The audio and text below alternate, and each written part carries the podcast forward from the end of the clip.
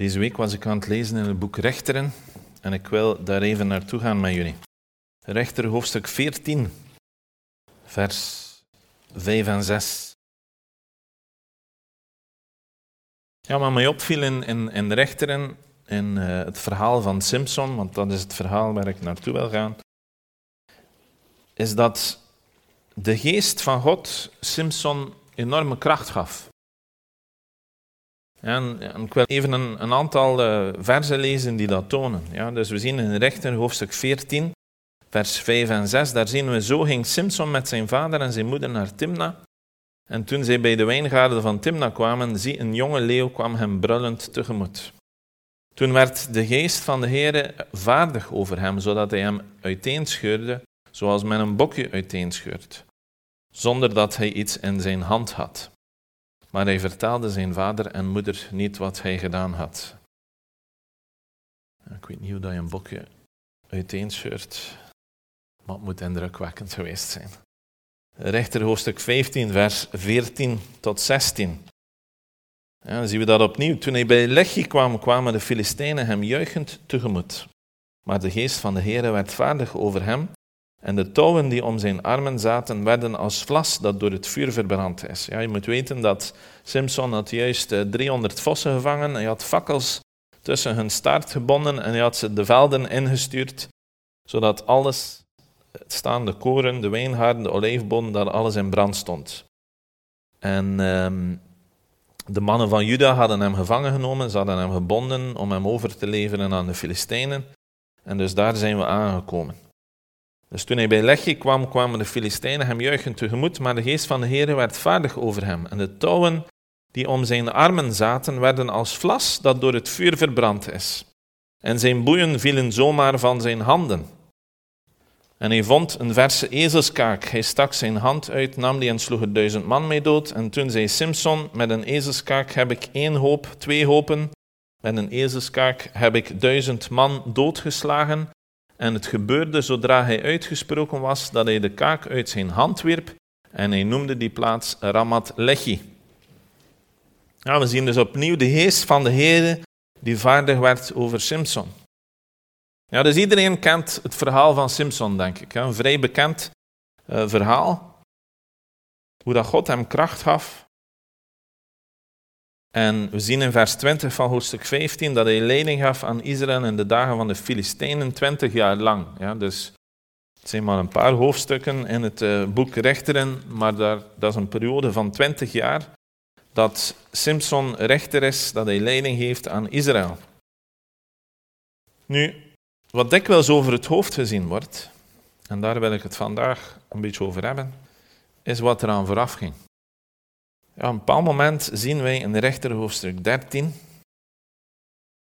zien wij dat er een engel verschijnt aan de ouders van Simpson. Ja, we gaan er even naartoe, rechter hoofdstuk 13, vers 3. Ja, als we lezen in vers 2, er staat, er was een man uit Zora, uit het geslacht van de Danieten, en zijn naam was Manoach. Zijn vrouw was onvruchtbaar en had geen kinderen gebaard. En toen verscheen er een engel van de Heere aan deze vrouw en zei tegen haar, zie toch, u bent onvruchtbaar en hebt geen kinderen gebaard. U zult echter zwanger worden en een zoon baren. Wel nu dan, wees toch op uw goede dat u geen wijn of sterke drank drinkt en eet niets onreins.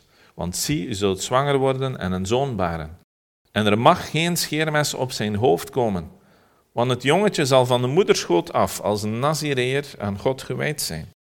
En hij zal beginnen Israël te verlossen uit de hand van de Filistijnen. Toen ging deze vrouw naar binnen en zei tegen haar man: Een man Gods kwam bij mij. En zijn uiterlijk was als het uiterlijk van een engel van God, heel onzagwekkend. Ik vroeg hem niet waar hij vandaan kwam, en hij heeft mij zijn naam niet verteld. Maar hij zei tegen mij: Zie, u zult zwanger worden en een zoon baren. Wel nu, drink geen wijn of sterke drank en eet niets onreins, want het jongetje zal van de moederschoot af tot op de dag van zijn dood als Nazireer aan God gewijd zijn. Daarop bad Manoach de Heere vurig en zei, ach Heere, laat de man Gods die u gezonden hebt toch opnieuw naar ons toekomen om ons te leren wat wij met het jongetje dat geboren zal worden moeten doen.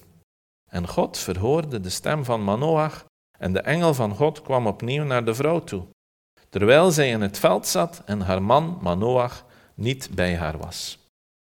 Toen haastte de vrouw zich en snelde weg en vertelde het haar man. En zij zei tegen hem, zie, de man die op die dag naar mij toe kwam, is mij verschenen. Toen stond Manoach op en ging zijn vrouw achterna. En hij kwam bij die man en zei tegen hem, Bent u de man die tot deze vrouw gesproken heeft? En hij zei, ik ben het. Toen zei Manoach, wel nu, laten uw woorden uitkomen. Wat zal de leefwijze van het jongetje zijn? En wat zijn werk? En de engel van de Heer zei tegen Manoach, voor alles wat ik de vrouw gezegd heb, moet zij op haar hoede zijn. Zij mag niets eten wat van de wijnstok afkomstig is. Wijn en sterke drank mag zij niet drinken, en evenmin mag zij ook maar iets onreins eten. Alles wat ik haar geboden heb, moet zij in acht nemen. Toen zei Manoach tegen de engel van de Heere, laat ons u toch hier doen blijven en een geitenbokje voor u bereiden. Maar de engel van de Heere zei tegen Manoach, ook al doet u mij hier blijven, ik zal van uw brood niet eten. En als u een brandoffer wilt brengen, moet u dat aan de Heere offeren. Manoach wist namelijk niet dat het een engel van de Heere was. En Manoach zei tegen de engel van de Heere, wat is uw naam? Dan kunnen wij u eren wanneer uw woord uitkomt. Maar de engel van de Heere zei tegen hem, waarom vraagt u zo naar mijn naam, die is immers wonderlijk. Daarop nam Manoach een heitebokje en het graanoffer en offerde dit op de rots aan de Heere. En terwijl Manoach en zijn vrouw toekeken, deed de engel iets uitzonderlijks. Het gebeurde namelijk toen de vlam vanaf het altaar naar de hemel opsteeg, dat de engel van de Heere opsteeg in de vlam van het altaar. Toen Manoach en zijn vrouw dat zagen, wierpen zij zich met hun gezicht ter aarde. En de engel van de Heere verscheen niet meer aan Manoach en aan zijn vrouw. Toen begreep Manoach dat het een engel van de Heere was geweest. Ja, we kennen allemaal het verhaal van Simpson.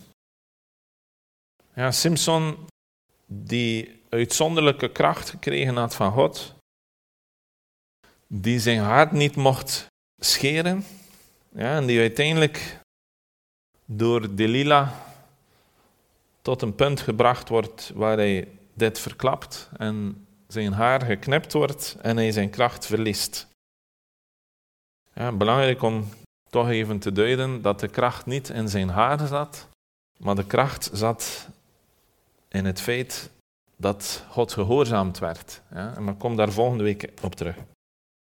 Ja, we zien hier de ouders van Simpson. En hun gehoorzaamheid zal ervoor zorgen dat Simpson wordt wie hij geworden is. Ja, zij spelen, ook al lezen we daar meestal over, spelen zij een heel belangrijke rol in het leven van Simpson. Ja, net zoals elke ouder een belangrijke rol kan spelen in het leven van zijn kinderen. En we zien in het verhaal dat de engel een aantal opdrachten heeft aan die ouders. Wie kan er mij zeggen wat die opdrachten zijn? Geen sterke drank. En geen onrein eten. En wat nog? En zijn haar niet knippen, ja. ja dus je ziet dat in vers 4 en 5 staat er wel nu dan, wees toch op uw hoede dat u geen wijn of sterke drank drinkt en eet niets onreins, want zie, u zult zwanger worden en een zoon baren en er mag geen scheermes op zijn hoofd komen. Wat wordt er verwacht van die ouders? Moesten ze een grote inspanning doen? De moeder mocht geen alcohol drinken. Is dat moeilijk? Denk het niet. Ze mochten ook niets onreins eten. Ja, dat mochten ze sowieso niet. Ja, dat stond in de wet, dat mocht niet.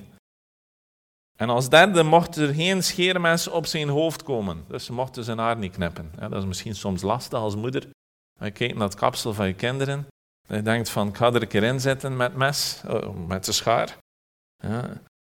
Maar dat is eigenlijk wat God verlangde van de ouders. En dan zien we de vader en de vader die stelt vragen. Die zegt, ja, in vers 12, wat zal de leefwijze van het jongetje zijn en wat zijn werk? Ja, de vader die wil al meer weten, die wil weten wat gaat er gebeuren. En het antwoord van de engel is, vers 13. Voor alles wat ik de vrouw gezegd heb, moet zij op haar hoede zijn. Ze mag niets eten wat van de wijnstok afkomstig is. Wijn en sterke drank mag zij niet drinken, en evenmin mag zij ook maar iets onreins eten. Alles wat ik haar geboden heb, moet zij in acht nemen.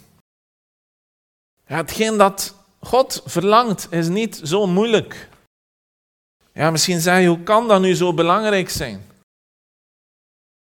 Waarom moet zij dit doen? Maar dit is wat God vraagt. En zij hadden een keuze.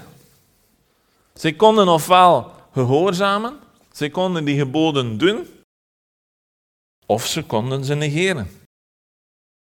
Maar dan hadden wij nooit gehoord van Simpson. het is heel dikwijls als je leest over grote mannen van God, dat je ziet dat de ouders bepaalde keuzes gemaakt hebben. Dat de ouders bepaalde dingen gedaan hebben. En meestal geen grote dingen. De ouders waren getrouw in het kleine. Ja, en daar wil ik het vandaag over hebben. Wij moeten getrouw zijn in het kleine. En gehoorzaamheid aan God in het kleine, getrouw zijn in het kleine, kan een gigantische impact hebben. Ofwel doorheen ons leven of door het leven van anderen. En dikwijls willen wij grote dingen doen. Maar het start met het kleine.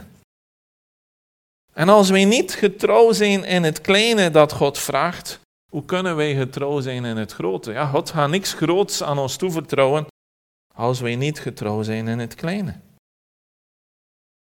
En de getrouwheid van de ouders van Simpson in het kleine had een gigantische impact. Ja, Simpson verloste het volk van Israël van de Filistijnen. En de geest van God gaf hem een enorme fysieke kracht. En wanneer verliest hij die kracht? Op het moment dat er niet meer gehoorzaamd wordt.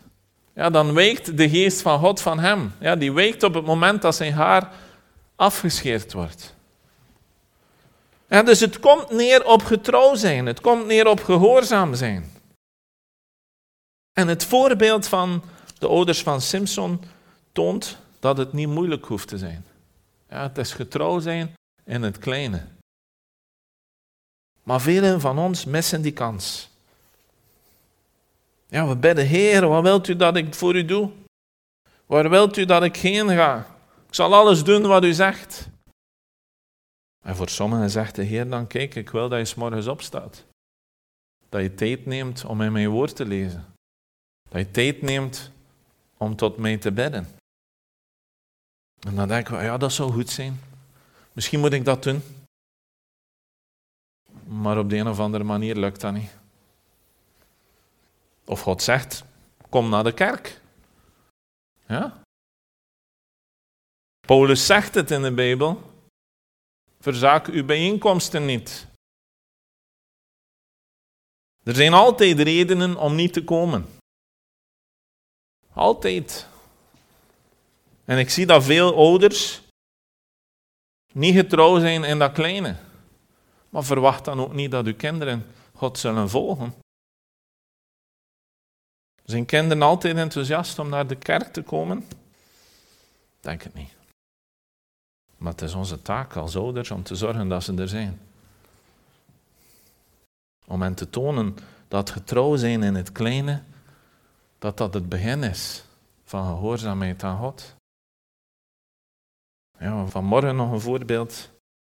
Toen we thuis waren, van iemand waar je gewoon ziet van, het zit niet juist. God staat niet op de eerste plaats. En wat kunnen wij daaraan doen? Niet veel, we kunnen dat zeggen. Maar we kunnen daar vooral voor bidden. Laat ons die fout niet maken. Ja, laat ons getrouw zijn in het kleine. En als wij vandaag beginnen om God te gehoorzamen in het kleine, dan zal hij zien dat het menens is. Ja, de Bijbel spreekt over God liefhebben met heel uw hart, Met heel uw ziel, met al uw verstand, met al uw kracht. Maar het begint met het kleine. En laat God zien dat hij jou kan vertrouwen. En soms denken wij van, ja, maar dat is eigenlijk niet belangrijk. Waarom moet ik dat doen? Ja, zij hadden dat ook kunnen zeggen, de ouders van Simpson. Ja. Waarom? Ja, omdat God het zegt. Ja, Daniel is een ander goed voorbeeld. Maar er even naartoe. En zo staan er veel in de Bijbel. Hè? Ja, we zien in uh, Daniel hoofdstuk 1, zien we Daniel. We zien dat de koning, op, in vers 5 zien we dat, dat hij een, een dagelijkse hoeveelheid van de gerechten van de koning vastlegt. En van de wijn die hij dronk, om hen in drie jaar zo op te voeden dat zij aan het einde daarvan in dienst konden treden van de koning. Onder hen waren uit Judeërs Daniel, Hanania, Misaël en Azaria. Het hoofd van de hovelingen gaf hun andere namen. Daniel noemde hij Beltzazar, Hanania Sadrach, Misael Messach en Azaria Abednego. Daniel nu nam zich in zijn hart voor zich niet te besmetten met de gerechten van de koning of met de wijn die hij dronk. Daarom verzocht hij het hoofd van de hovelingen of hij zich niet zou hoeven te verontreinigen. God gaf Daniel genade en barmhartigheid bij het hoofd van de hovelingen. Ja, dus Daniel over zoiets kleins, ja, je zou kunnen zeggen, maar allez, het gaat over eten. En later weten we, ja, Petrus krijgt een droom dat het uiteindelijk daar niet over gaat. Ja, dat het niet gaat over onreine dingen eten. Ja, Jezus zegt het zelf ook. Je bent niet onrein door wat dat je eet. Je bent onrein door wat er in je hart is. En wat er uit je mond komt. Maar Daniel is getrouw in het kleine. Daniel is getrouw in het feit dat hij niet wil die dingen eten. Neemt hij een risico? Ja, want hij gaat tegen de koning in. Maar uiteindelijk zien we in vers 15 dat aan het einde van die tien dagen zag men dat die vier mannen hun uiterlijk knapper was en zij er gezonder uitzagen dan al de jonge mannen die van de gerechten van de koning aten. Ik pleit hier niet voor het feit dat je vegetariër moet worden, want het was plantaardig voedsel dat ze aan het eten waren. Maar ik pleit er wel voor dat je getrouw bent in het kleine. En als God spreekt, dat je luistert. Elk van ons. En het resultaat is dat Daniel gebruikt wordt door God. Ja, bij verschillende koningen, bij verschillende heersers. Dat we zien dat Daniel in de leeuwkuil gegooid wordt en hij er levend uitkomt. Dat we zien dat Daniel, eh, de drie anderen, sorry, Sadrach, Messach en Abednego in het vuur geworpen worden en ze ook gered worden. Ja, waren zij toen niet getrouw geweest in het kleine, dan had God hen ook niet gebruikt. er zijn nog veel voorbeelden. Ja, we zien dat bij Jozef, we zien dat bij Hanna, de moeder van Samuel, we zien dat bij Petrus en Johannes. Wie waren zij?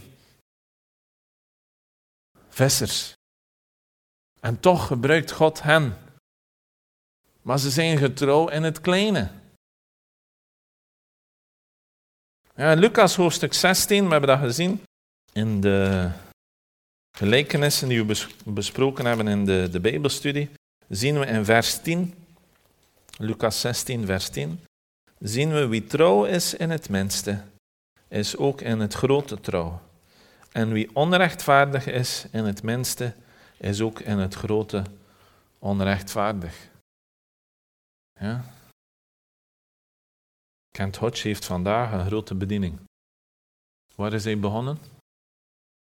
Op de parking van de kerk. Ja, tonen waar de mensen moeten parkeren. En een beetje later mocht hij de mensen tonen waar dat ze mochten zitten. Dat is getrouw zijn in het kleine. Dat is vragen, wat kan ik doen?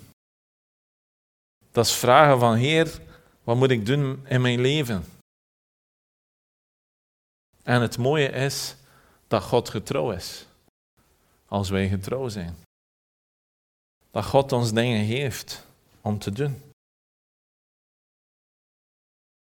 Ja, getrouw zijn in het kleine is waar het mee begint. Getrouw zijn in het kleine kan een enorme impact hebben. En dan mogen we niet uit het oog verliezen. Als God in ons leven spreekt, ook al ziet het er onbenullig uit, of denken we van, ja maar waarom Heer? Doe het. Wees getrouw in het kleine. Probeer jezelf niet ervan overtuigen dat het misschien onbeduidend is, dat het niet belangrijk is. Als God spreekt, wees getrouw. De ouders van Simpson, die waren getrouw. De moeder heeft geen alcohol gedronken. Ze heeft niks onreins gegeten. En ze hebben zijn haar niet geknipt. Niks speciaals. Niks groots. Niks uitzonderlijks. Heel eenvoudig. Gewoon geen alcohol drinken. Niks onreins eten en zijn haar niet knippen. Gewoon doen wat God spreekt. Want dat is wat er gebeurde. Ja, we mogen niet de fout maken van te lezen en te zeggen, ik moet die drie dingen ook doen. Ja, ik heb liever dat iedereen zijn kapsel mooi geknipt is. Ja. Als je geen alcohol wil drinken, dat is ook goed. Ja. Kan zeker geen kwaad. Alles met mate. En als God spreekt in uw leven van drink geen alcohol, drink dan ook geen alcohol. Ja, of als God iets anders spreekt, doe dat gewoon. Ja, als het u wegtrekt van wat God wil in uw leven, doe het weg. Jezus zegt ook, hak uw hand af. Ja, sneed uw oog eruit. Als het u wegbrengt van God, doe het weg. Wie trouw is in het minste, die is ook trouw in het grote. Ja, als wij trouw zijn in het minste, dan gaan wij ook trouw zijn in het grote. Laten wij luisteren. Ja, laten wij openstaan voor wat God spreekt in ons leven. Laten wij openstaan voor die kleine dingen die hij aanduidt. Waar hij zegt van, daar moet je standpunt in nemen. Daar moet je gehoorzaam zijn. Dit moet veranderen. Want het heeft allemaal tot doel dat wij veranderen naar het beeld van Jezus Christus. Laten wij bidden. Heer God, Almachtige Vader. Ik wil bidden, Heer, dat elkeen van ons, Heer, gehoorzaam mag zijn aan U, Heer. In de kleine dingen van het leven, maar ook in de grote dingen. Heer, spreek tot ons. Spreek in ons leven, Heer. Laat uw woord een tweesnijdend zwaard zijn, Heer. Dat door ons leven gaat. En dat ons toont wat u van ons verlangt. Heer, ik bid dat elkeen van ons getrouw mag zijn in het kleine, net zoals de ouders van Simpson, net zoals Daniel. Dat wij getrouw mogen zijn in het kleine, Heer. En dat u in die kleine dingen op de eerste plaats mag komen. Dat wij u mogen volgen, Heer. En dat wij voor die aspecten van ons leven, Heer, ons volledig afhankelijk mogen opstellen van u. Dat wij mogen veranderen naar het beeld van uw Zoon Jezus Christus. Dat ons denken mag veranderen. Dat ons hartsverlangen mag veranderen, Heer. Dank u, Vader dat u getrouw bent. Dat wij ons vertrouwen mogen stellen in u. Voor alles in ons leven. Dat bid ik in Jezus machtige naam. Amen.